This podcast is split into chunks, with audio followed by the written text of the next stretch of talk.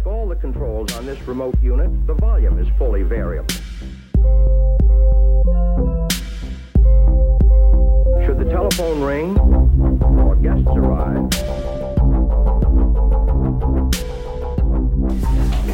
Själv arbetar jag i Lund på um, Thorax och det verksamhetsområdet numera heter Thorax och Kärl. Där uh, har vi börjat med ECMO på grund av respiratorisk svikt men som ni kommer att se vid, eh, lite senare att vi har eh, som alla andra thoraxenheter har ECMO är en del av behandlingsalternativ. Och det är helt okej att ställa frågor för att det är ju ett ämne att föreläsa i. Det är ett väldigt nytt, intressant. Ingenting är bestämt, inga riktlinjer finns det på vissa områden. Så därför är det ju, allting kan man ju diskutera faktiskt. Så vad är ECMO om man ska börja från början? Extracorporeal membrane oxygenation.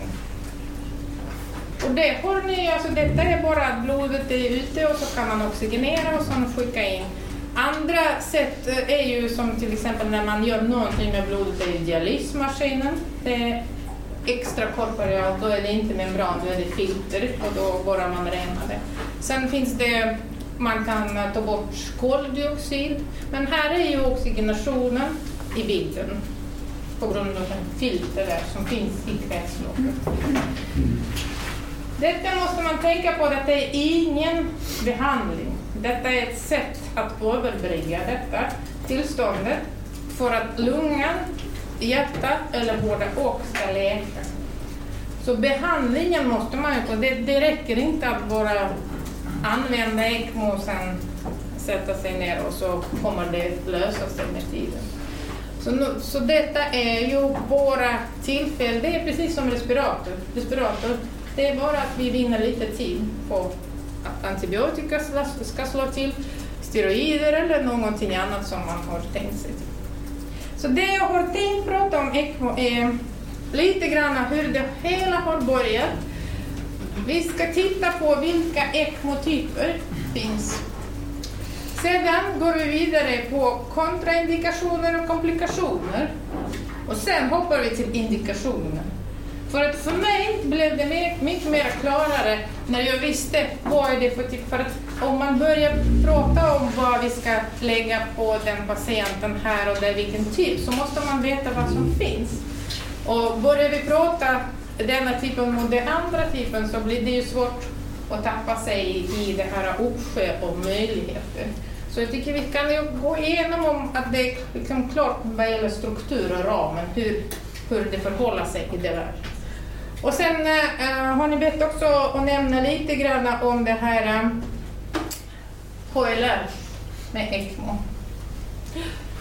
Ja, är det, eh, är det många som har äh, sett ECMO, patient med ECMO? Ja, det var ju de flesta. Det var ju bra.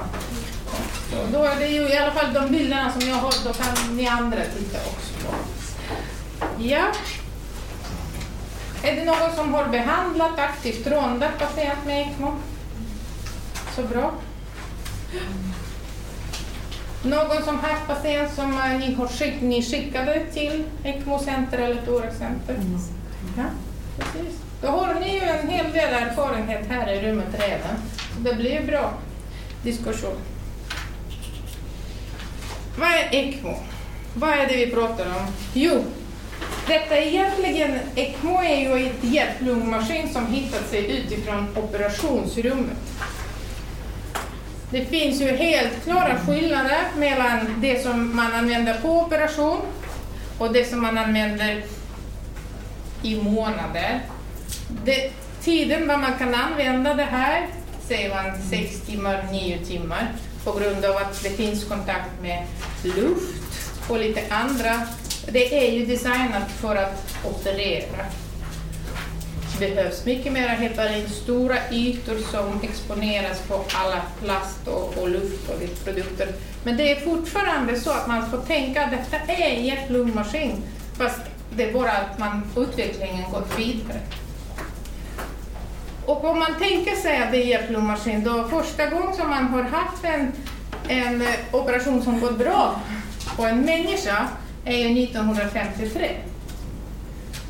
Trots att kirurgi har funnits länge och hjärtkirurgi har funnits innan dess också för då gjorde man operationerna i djup, djup, djup hypotermi till exempel. Så då stannade hjärtat bara av sig själv, av själva hypotermin och, och så var man snabb. Så det var det som gällde. Kyla patienten var snabb på handen och sen sy ihop bara som, som det. Nu kommer jag ju ursprungligen från gamla Sovjet. Jag kan inte, jag kan inte utelämna det. Det fanns ju djurmodeller redan på 1929 och då var det också framgångsrika så att man kunde faktiskt ha hundar levande med en hjärt-lungmaskin. Så det är ja, experimenter och så. Så det, det är ju, det, den försöken är ju liksom, de, de, det är nästan hundra år gammal så, men eh, vi har inte kommit så långt så att vi känner oss ändå förtrogna att använda på akutrummen, eller hur?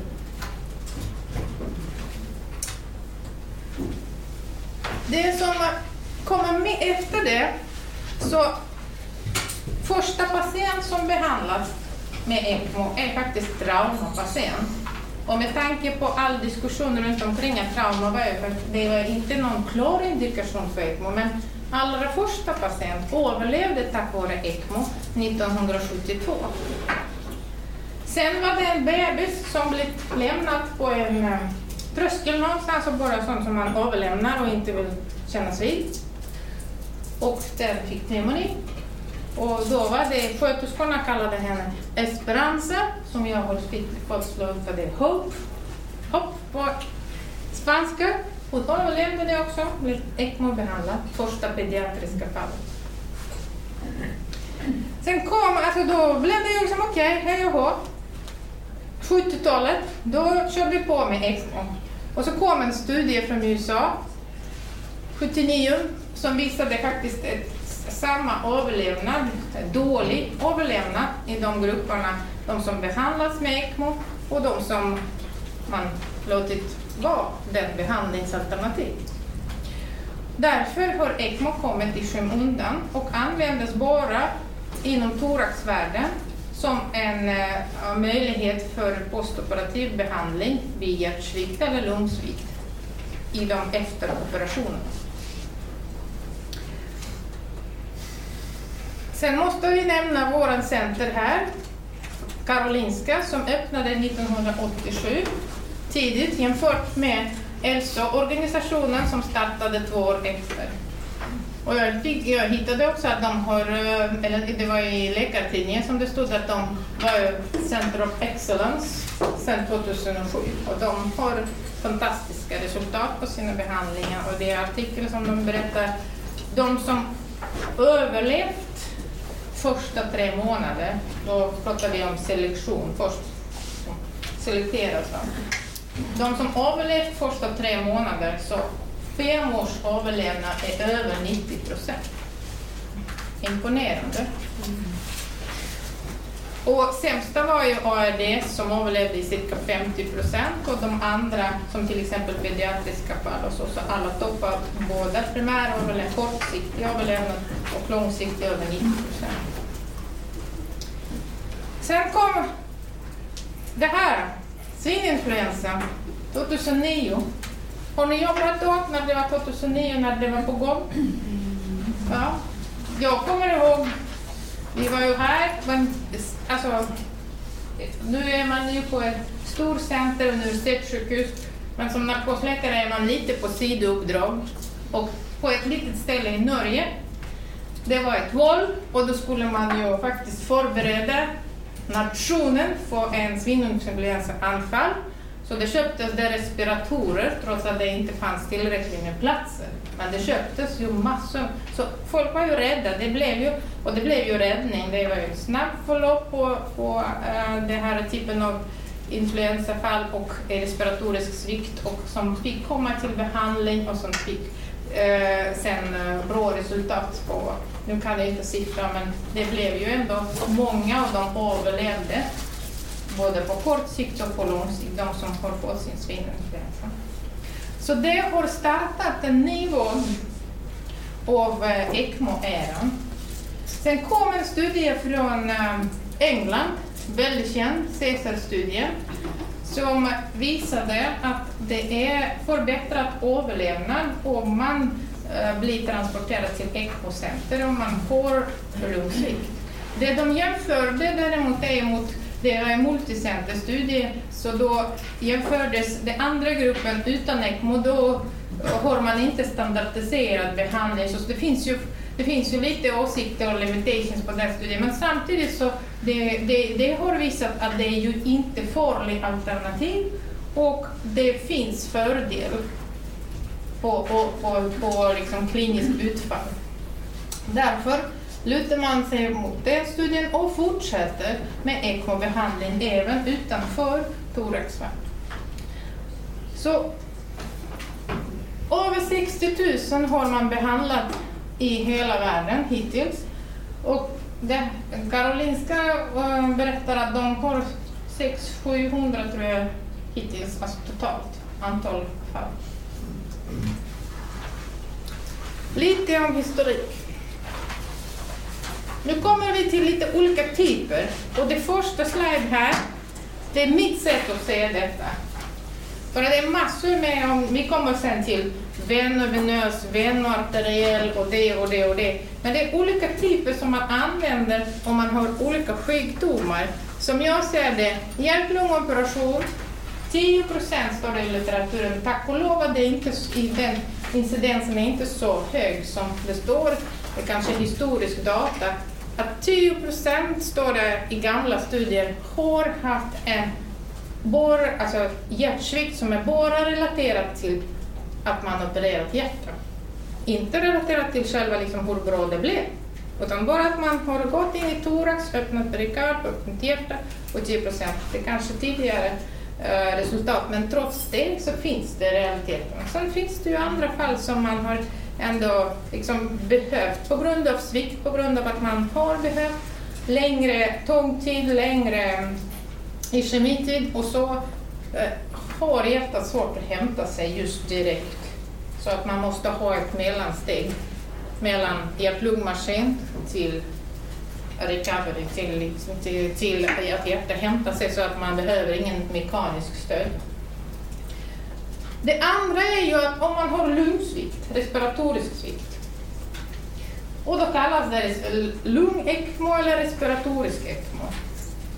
Sen kommer vi in i världen, alltså, så att det blir mer och mer, vi pratar om cirkulatorisk svikt, hjärtstopp eller sepsis, eh, alltså eh, utan någon allvarlig lungengagemang men sådan, i, i sådan grad så att man inte klarar av cirkulationen. Och då är det ju hjärtekmo som man kan tänka sig.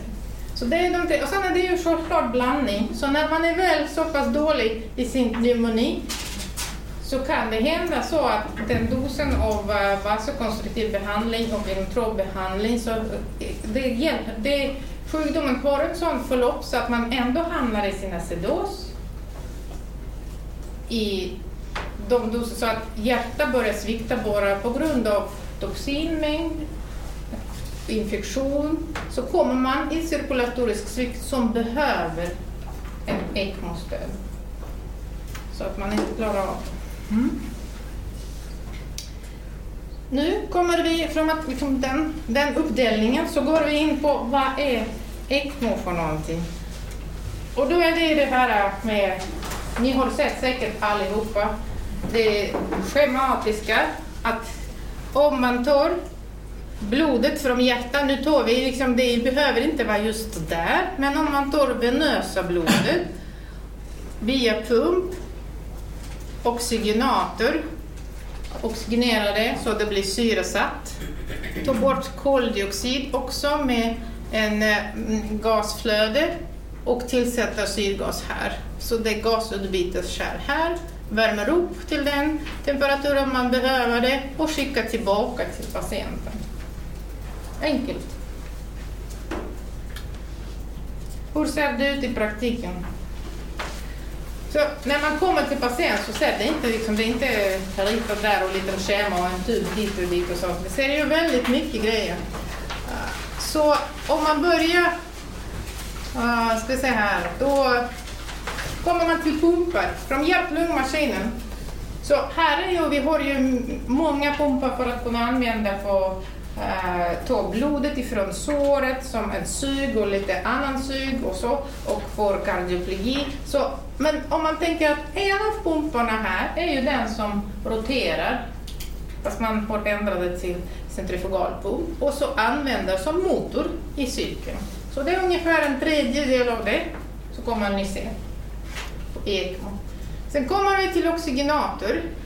Det har också skett en enorm utveckling, teknisk utveckling på oxygenatorfronten. Från att ha en sån ungefär så här en gasflaska, eller flaska med bubblor egentligen som man skickade blod igenom. Och så hoppades man på det, bubbeloxygenator. Det har, sen var det diskoxygenator och sen kom det här med membran som man har lagt i, i så att man skickar gas men det är inte kontakt med blod utan att det är en halv membran där i och ytan är ju två meter kvadrat här. Och det är olika typer. Så oxygenater är här. Och sen känner ni igen detta, det är ju gasflödena. Och sen tillsätter man syrgas i den grad man vill och sen, som det heter, gasflow, sweep flow. Och så skickar man sen blodet till patienten. Och på operation så är det en stor värmeväxlare för att vi behöver på kardioplegi som är ju 4 grader eller 7 grader. Eller så vi kan laborera med, vi kan eh, kyla patienten på 5 minuter, 10 minuter rätt så djupt hypotermi. Så det behövs den maskinen som ser ut som mindre kylskåp. Men det storlekmässigt eh, storleksmässigt så, så finns det ju mindre varianter som används just på ECMO som man kan sätta som är mindre, mer anima.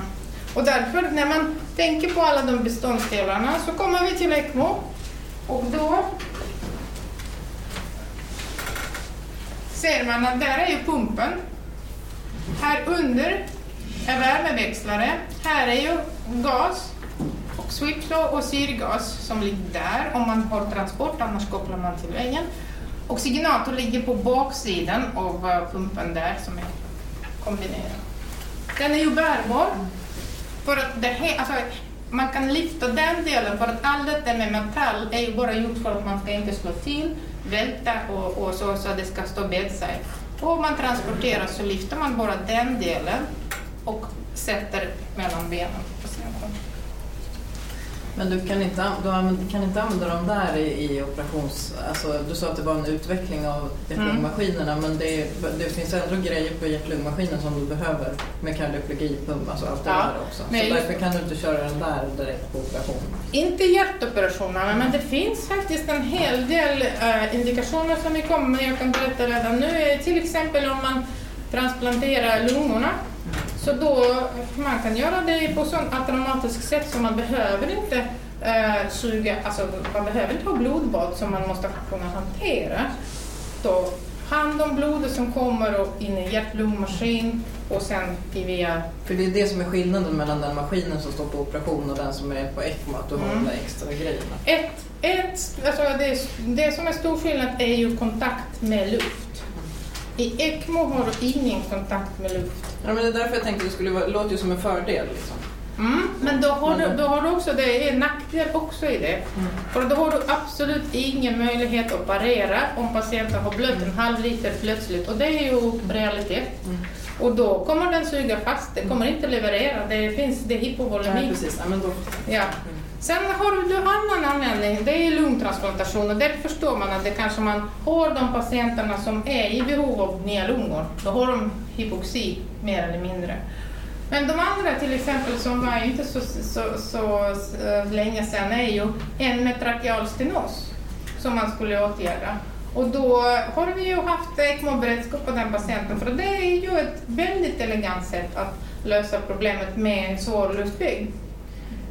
Annat sätt är att använda ECMO på TAVI-patienterna, på akuta TAVI-patienterna som skickas i sin svikt, som är ju som en jag tänker på är den som eh, har eh, uh, var behandlad för lymfom i, alltså i ungdom och sen nu när hon är 40 plus med liten thorax på grund av strålskador och förkalkat aortaklaff på grund av tidigare strål. Hon har överlevt i 20 år. Så detta är ju priset som man får betala i svår hjärtsvikt på grund av det. Och då söva den patienten i, och, och, så har det gått så pass långt så att uh, det var ju svår pulmonell hypertension och svår hjärtsvikt. Då, då la vi henne på ECMO. Vaket tillstånd till lokal anestesi. Och det var också, då har du alltid i världen, liksom, du behöver inte ens bry dig om luftvägen. Eh, men det är inte det, det jag säger att man ska göra. Men det finns, numera finns det option. Det är inte så att det är slut bara där, utan det finns option. Ja. Och då går vi vidare till att tänka på vad är det som vi har för fortsatta typer av ECMO. Och den andra avdelningen är, är ju att det är vad man kopplar sig till. Om man tar blod ifrån ven och skickar i en artär, då är det venoarteriell. Och det är ungefär som alla hjärt-lungmaskiner, så att det, vi bypassar hjärtat. Men om man tar blod, syresätter det, tar bort koldioxid och skickar tillbaka i venösa systemet, tillbaks, då är det venovenös. Vad är skillnaden? Jo, om man tänker på artären, då har man tromboembolier, då har man en helt annan behov av koagulation. Då har man eh, ischemi i hjärtat. för att du skickar blodet ju retrograd uppåt och så.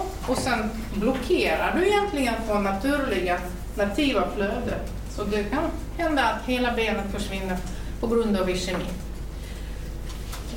Fördelen är också att på sikt när man ska om Eh, och vinna från ECMO så behöver du inte ens interagera med arteriella systemet utan alltid är på vensystemet och det är ju hur enkelt som helst.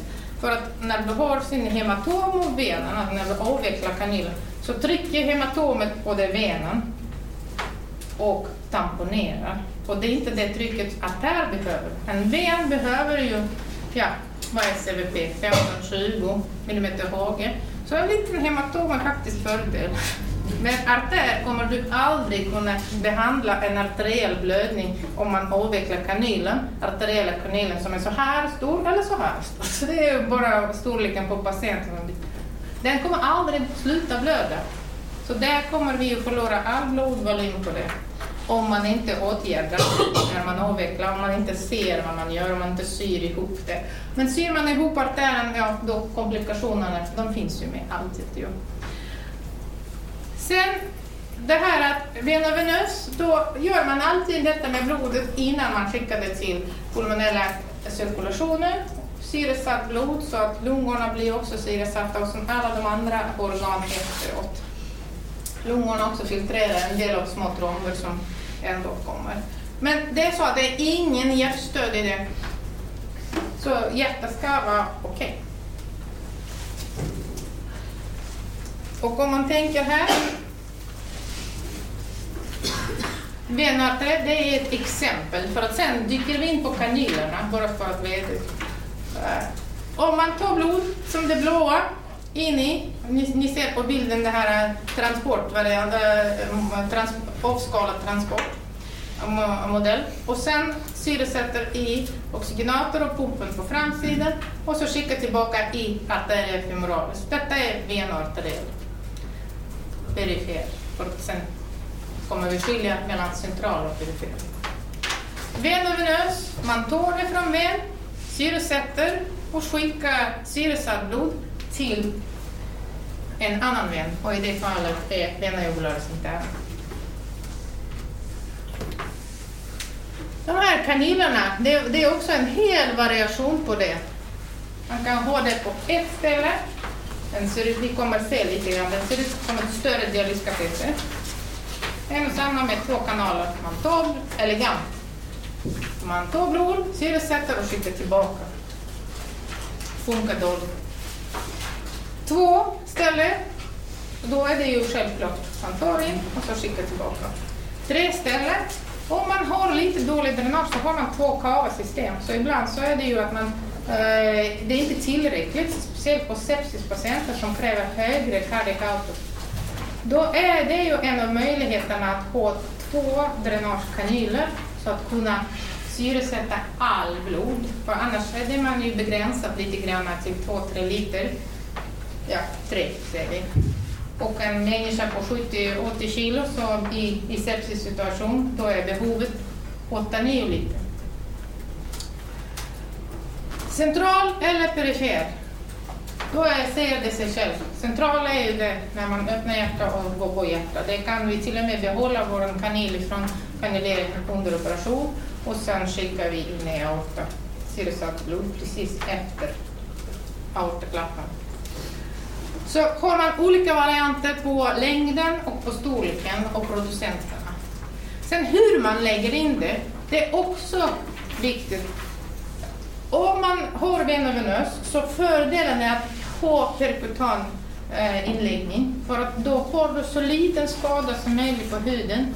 Du skär inte genom någon, något kärl utan du dilaterar lugnt och fint och trycker undan. Så är det idealet. Men det kan man inte riktigt göra på artär och då använder vi ju kirurgen i teamet som öppnar och ser med ökad kontroll. Och det är på grund av det här trycket i artärsystem och blödningsrisken. Eller att man göra, kan göra båda och. Ven kan man lägga in perkutan men artärer lägger man på. Eller att man börjar lägga perkutan och inser nej det går inte.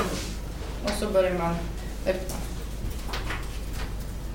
Så går vi in på och tittar på lite schematiska bilder. Lite träning här. Jo, detta är central venoarteriell. Så ser man att från höger sida av hjärtat så eh, blod kommer in i, det är schematisk ECMO, pump och, och eh, oxygenator och så skickas tillbaka i aorta. Venoarteriell central. Här är perifer venoarteriell via ECMO. Och då är det ju alla möjligheter som till exempel bara uh, eh, venarteriell från ben, ben femoralis till eh, på, ben, på annat ben ibland till och med man kan använda ett och samma ben. Här är ju att man kan använda sub, arteria subclavia eller karotis. På vuxna är det D-varianten som är mest vanlig. Detta är lite mer barn och barn kör på karotis också så det är för, eh, de har större kärl på halsen. Och så. Då är det venoarteriell. Och nu är vi på venovenös. Och då är det ju från vena femoralis till vena jugularis interna. Här är det ju mellan två vener. Från ena femoralis till det andra vena femoralis. Men hur gör man då? Då ena är kort och det andra skickar man upp nästan ovanför diafragman. Då får man byta. Annars ligger de ju mot varandra, så då är det bara ett litet fint flöde där emellan och ingen som går in till kroppen. Jag har inte bara kunnat ta en lång med två olika lumen i en distal och en proximal. Slippa sticka på två ställen. Ja, det är det som man, man har försökt faktiskt. Det heter Avalon kanyllen. Och det kommer. Det kommer efter, eh, efter eh, några bilder. Och det är ju det, men det, långa, det är jätteviktigt att ligga rätt och dränera rätt. Alltså dränera volymen som man levererar till ECMO. Det är det man kallar dränera. Och då, nej, man måste nästan ligga i hög form eller där omkring. Och har man det så långt ner så är det svårt. Det blir ju på en centimeter skillnad på dränageläge. Så rör det sig en, två centimeter precis som den på halsen. Det är därför har den eh, liksom tappat sin popularitet. För att det är ju det vi tror, alltså det, det, tanken är ju hur elegant som helst. Vilken kanin som helst, bara ta in och skicka tillbaka. Men det är svårt praktiskt att använda och få det att fungera med bra flödena. Så att cardiac output, det som du får uträkna flöden, blodflöde på ECMO, ska vara tillräckligt stor. Ni som inte sett det någon gång, så här är det ju lite bilder. Jag har sett lite sämre, men, men här är det ju det är den storleken vi pratar om. Det är inga små grejer. Och ser ni färgskillnad på det? Det ena ju ligger i femoralis som ni förstår och den är ju vena interna texter. Ser ni skillnad på färgerna? Mm. Ja. Alltså det är lite, ja precis, jag ska se, jag ser det ju. Men, men om man säger så här att, ursäkta mig, jag, försökte titta själv. Men eh, jag hoppas att i den eh, versionen som ni har fått eh, som eh, vad heter det, eh, pdf, så det syns faktiskt, för jag kan se på datorn att den som är i benet är ju väldigt mörk blod och det här uppe är ljus. Men det behöver inte betyda att så kommer det vara i Stockholm. För att där kör de tvärtom. Så vi är inte helt överens och, och vi tycker vi har jättebra resultat och det gör de också. Så det är, och det är ju inte så att vi är ensamma utan att vi är ungefär så här, många kör på ena hållet, venövenös och det andra kör på andra. Och spelar ingen roll, bara man syresätter blodet och skickar det vidare via hjärtat, lungkretsloppet och in i systemet. Så. Här kommer en bild på det här Avalon-kanylen som är ju dubbellumen. Och här är det ju det här läget att det är ett hål här som dränerar vena cava inferior och sen är det sidohål som dränerar vena cava superior och levereras blod direkt in som jet mot tryckospedalis-klappen. Och det är meningen att det ska inte blandas där, men det är det det gör. Så fort den vrider sig, det är inte bara det längden, så fort den vrider sig lite så är det turbulent flöde, så är det recirkulation.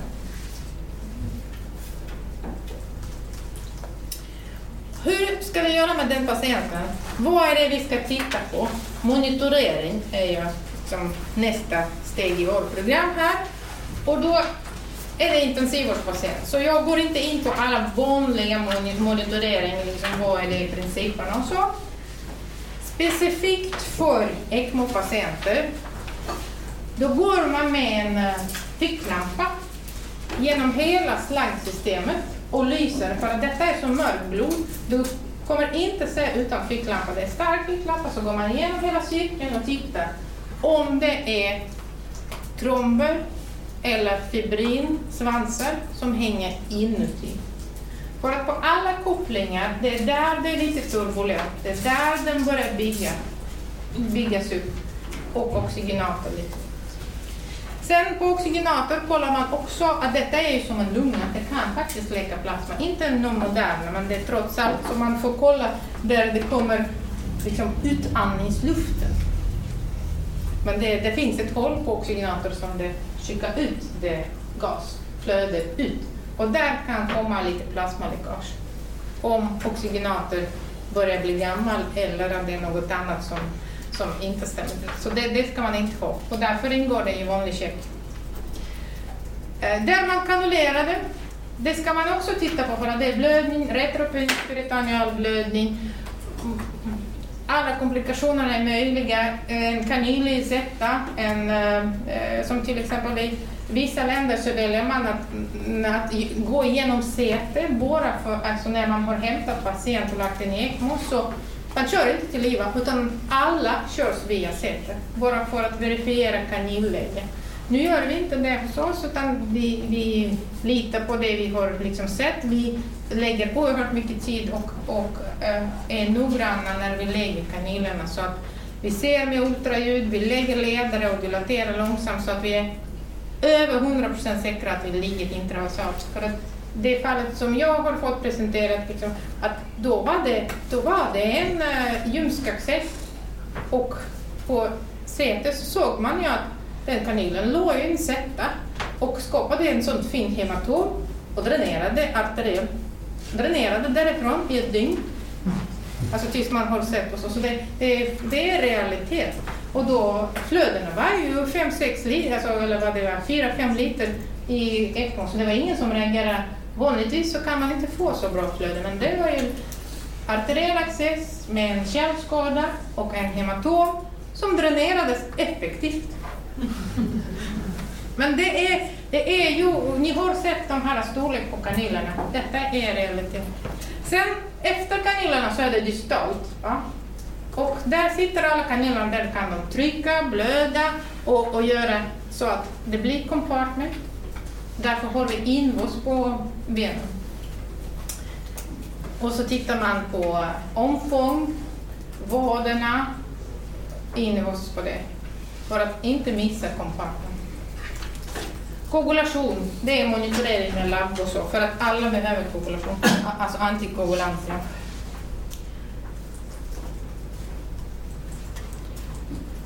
Jag tror att jag går över till kontraindikationer först och sen gör vi en paus och så går vi in på eh, indikationerna och lite roligt och, och ett fall och, och de här svaren. För att nu är det kontraindikationerna, nu när jag har berättat vad är det vi tittar på dem, så att ni förstår att om man har till exempel ett hjärta som inte går att rädda och patient är inte aktuell för hjärttransplantation, om det är cirkulatorisk ECMO vi är ute efter, så, så det är inte aktuellt.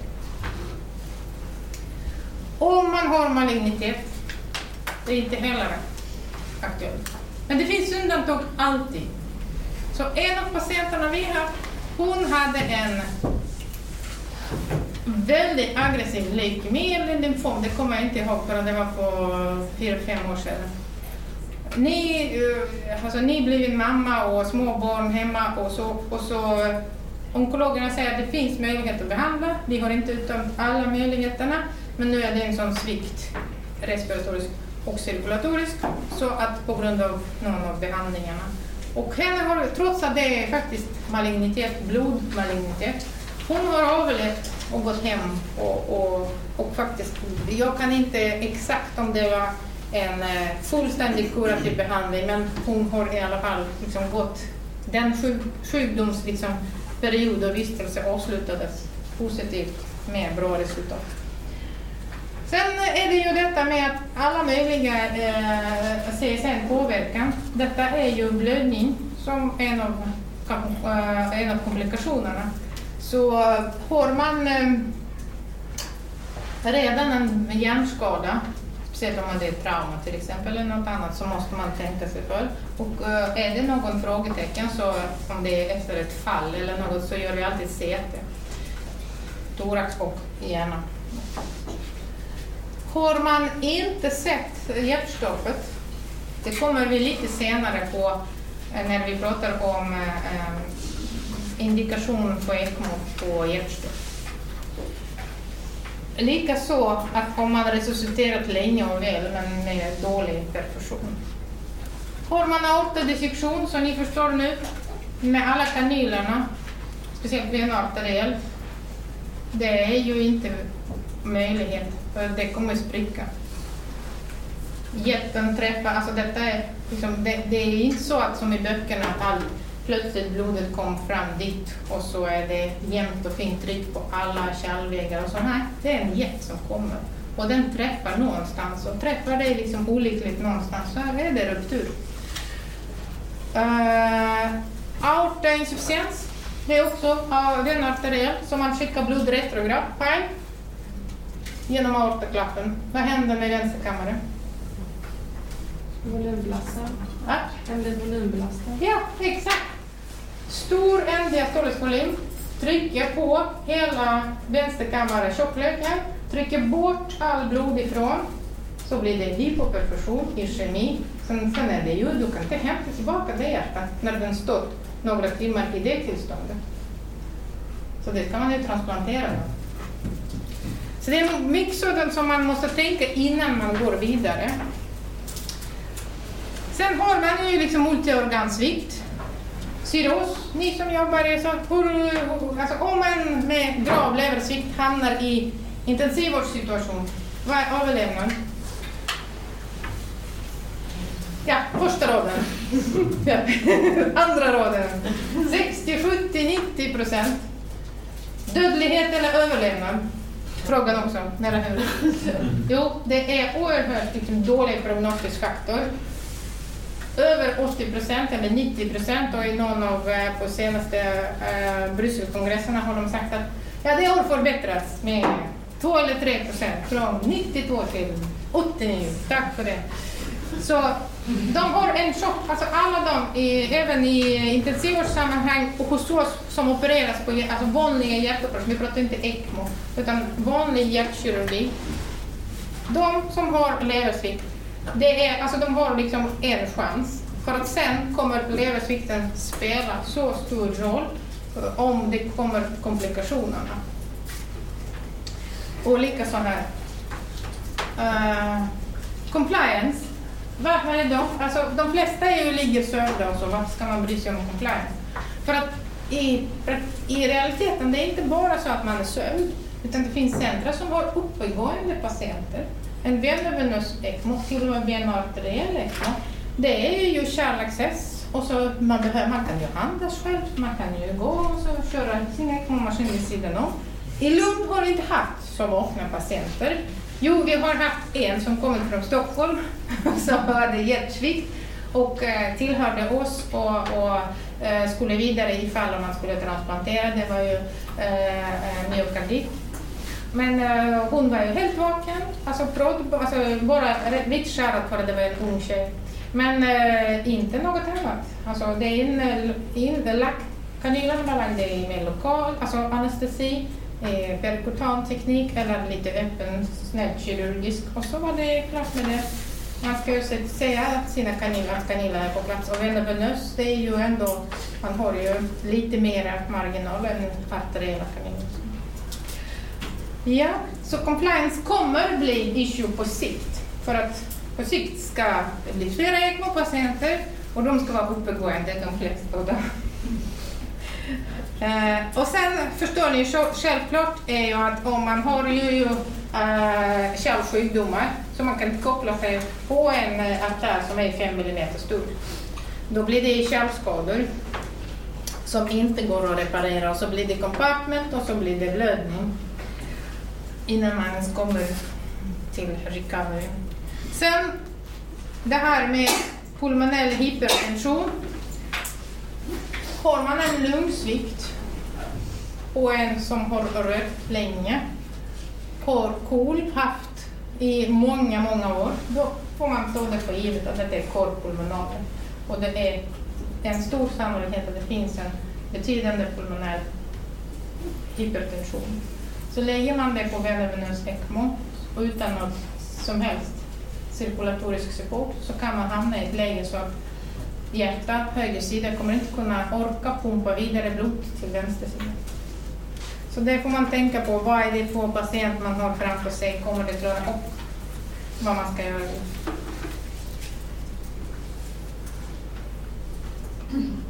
Det var absoluta. Lite om relativa. Om man är jätte, jättestor, till exempel. Vi börjar därifrån. Då, pumpen kan inte leverera mer än, eh, alltså beroende på storlek på kanylerna, mer än vi säger fem liter i kardikator. Så det är inte bara själva omvårdnadsbiten, så att det är stor patient som inte går in i säte eller inte går in på det ena och det andra och, och så tungt, men det inte går in och lägger i bukläge eller något sånt, utan det är rent av också begränsade faktorer. där. Så det finns en begränsning där. Ålder. Och där säger vi biologiskt. Man behöver inte ens gå in på kronologiskt. Biologisk ålder är av betydelse. Och de som eh, till exempel ja, eh, kan eh, inte ta blodprodukter eller inte kan ha en allergi mot heparin, ovanligt tack och lov.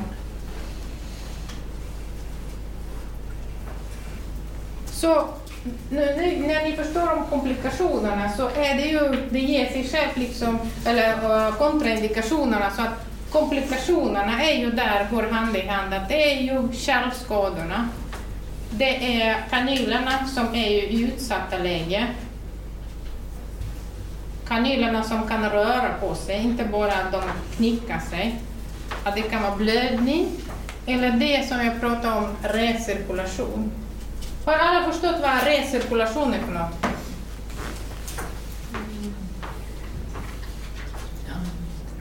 Det är att man har lagt en maskin vid sidan om, gjort en hjälteinsats och så, lever, och så saturationen är fortfarande 80. Det är, det, det är så det ter Alltså det, det är så det ser ut. Vi gjorde jättebra, hej och hå. Vi levererar 4-5 liter i ECMO och så saturationen som ska stiga inom en minut, när man är, den är fortfarande 80. Då ligger kanilerna på nära eller någonting. Så det, det är ju också, det, det är en sån som det är komplikation. Då får man göra någonting. Det är inte bara lägga ett, utan man måste vara aktiv och se vad som händer. Så nästa del av det hela blir det lite indikationerna. Vad är det, vem vi träffar? Det blir de patienterna som ni träffar när ni ska välja vem, hur, vad ni ska presentera.